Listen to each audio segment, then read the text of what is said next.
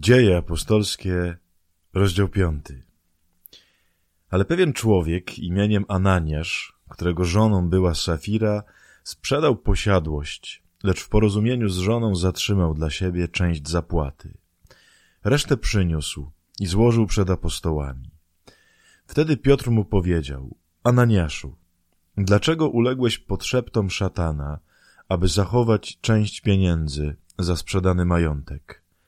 Okłamałeś Ducha Świętego. Czyż posiadłość nie była twoją własnością, podobnie jak pieniądze za nią uzyskane? Dlaczego dopuściłeś się tego czynu? Nie ludzi okłamałeś, ale Boga.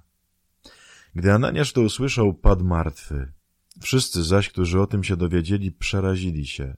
Młodzieńcy wstali, owinęli go w prześcieradło, wynieśli i pochowali.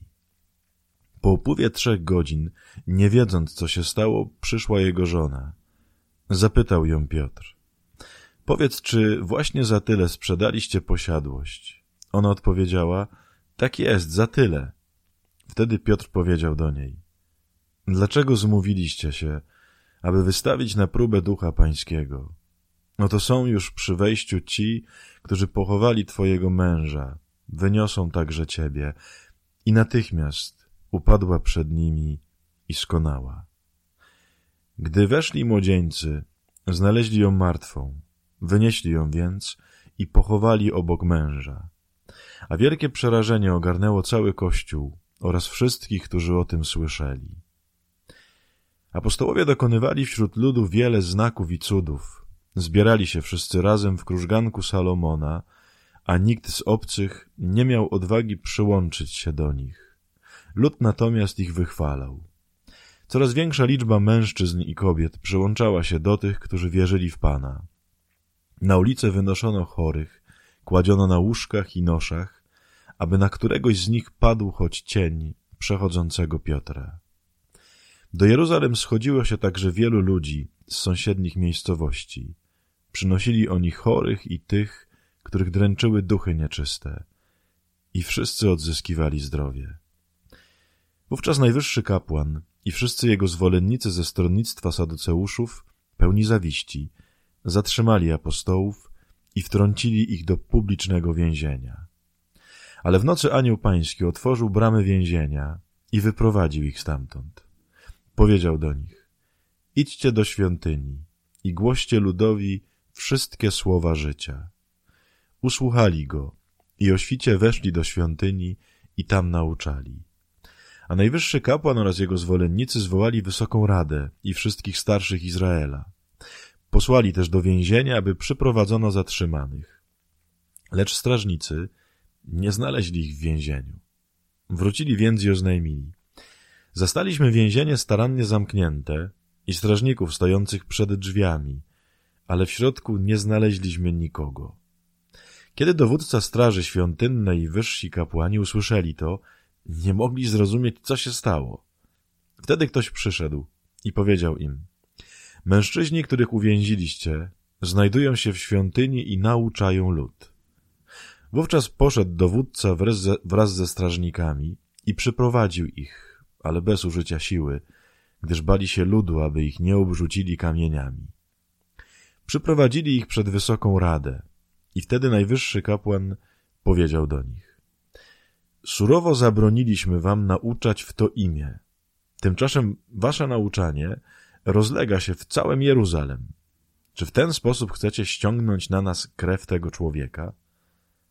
Piotr i apostołowie odpowiedzieli.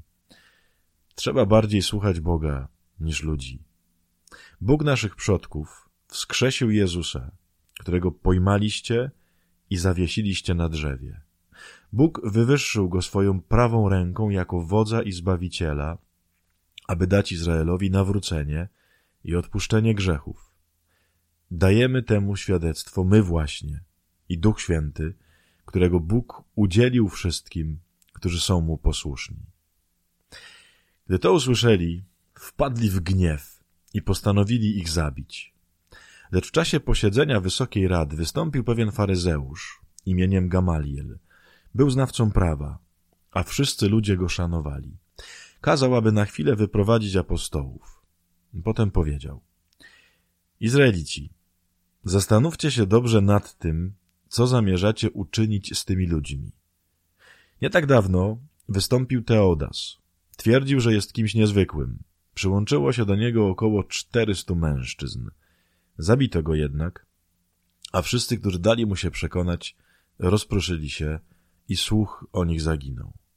Potem w czasie spisu ludności wystąpił Judasz Galilejczyk. On również pociągnął za sobą ludzi, ale i on zginął, a wszyscy, którzy dali mu się przekonać, rozproszyli się.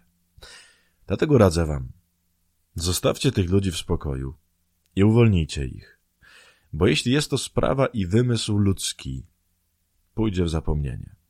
Jeśli jednak rzeczywiście pochodzi od Boga, nie zdołacie ich zniszczyć, a z czasem może się okazać, że walczyliście z Bogiem. I usłuchali go. Przywołali apostołów i kazali ich wychłostać. Potem zabronili im przemawiać w imię Jezusa i uwolnili. Oni opuścili więc miejsce posiedzeń Wysokiej Rady i cieszyli się, że mogli cierpieć z powodu tego imienia. Codziennie nauczali w świątyni i po domach, głosząc Ewangelię o Chrystusie Jezusie.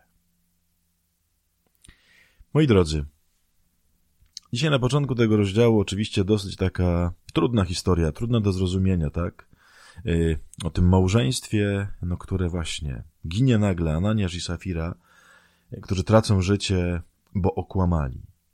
Kochani, tu nie chodzi o żadną opowieść o Bogu, który się mści. Nie, tu chodzi o coś innego.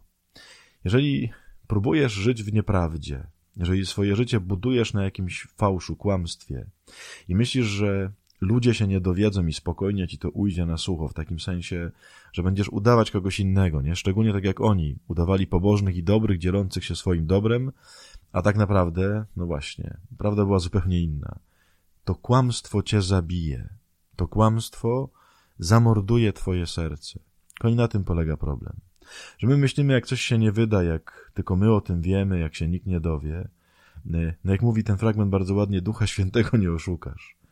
I koni to kłamstwo po prostu nas będzie zabijało. Pomyśl, czy są takie kłamstwa, w których żyjesz. Takie kłamstwa, które, e, no właśnie, myślisz, że nikt o nich nie wie, nikt się nigdy nie dowie, więc wszystko w porządku. I rzeczywiście może być w ogóle tak, kochani, że do końca życia nikt się nie dowie. Ale to nie znaczy, że twoje serce nie umrze od tego. A druga rzecz. E, w tym procesie, który potem, procesie tym takim jakimś radzie i e, osądzaniu apostołów, bardzo ciekawa jest ta postać tego Gamaliela. To nie był chrześcijanin, to nie był zwolennik, zwolennik y, Pana Jezusa. Był mądrym człowiekiem. Rzeczywiście dał taką dobrą życiową radę, że jeżeli to nie jest z Boga, jeżeli to są zwykli wichrzyciele, to to się wszystko rozpadnie, nie? Koniec w związku z tym takie dwie, takie dwie myśli, może warto je wziąć też na modlitwę. Po pierwsze, jeżeli czasem się boisz różnych ruchów w kościele, które myślisz są zwodnicze jakieś tam, nie? Nie bój się. Jeżeli one nie pochodzą od Boga, jeżeli coś, czego się obawiasz, nie jest od Boga, to się rozpadnie. Wcześniej czy później to się rozpadnie. My tak się boimy oczywiście, że o, tu jakieś tam wchodzą złe prądy do kościoła. Jeżeli one nie są od Boga, one się rozpadną, kochani, tak jak mówi Gamaliel. A druga rzecz, również od ludzi, którzy nie są twoimi zwolennikami, którzy nie są twoimi przyjaciółmi, czasem przychodzi pomoc.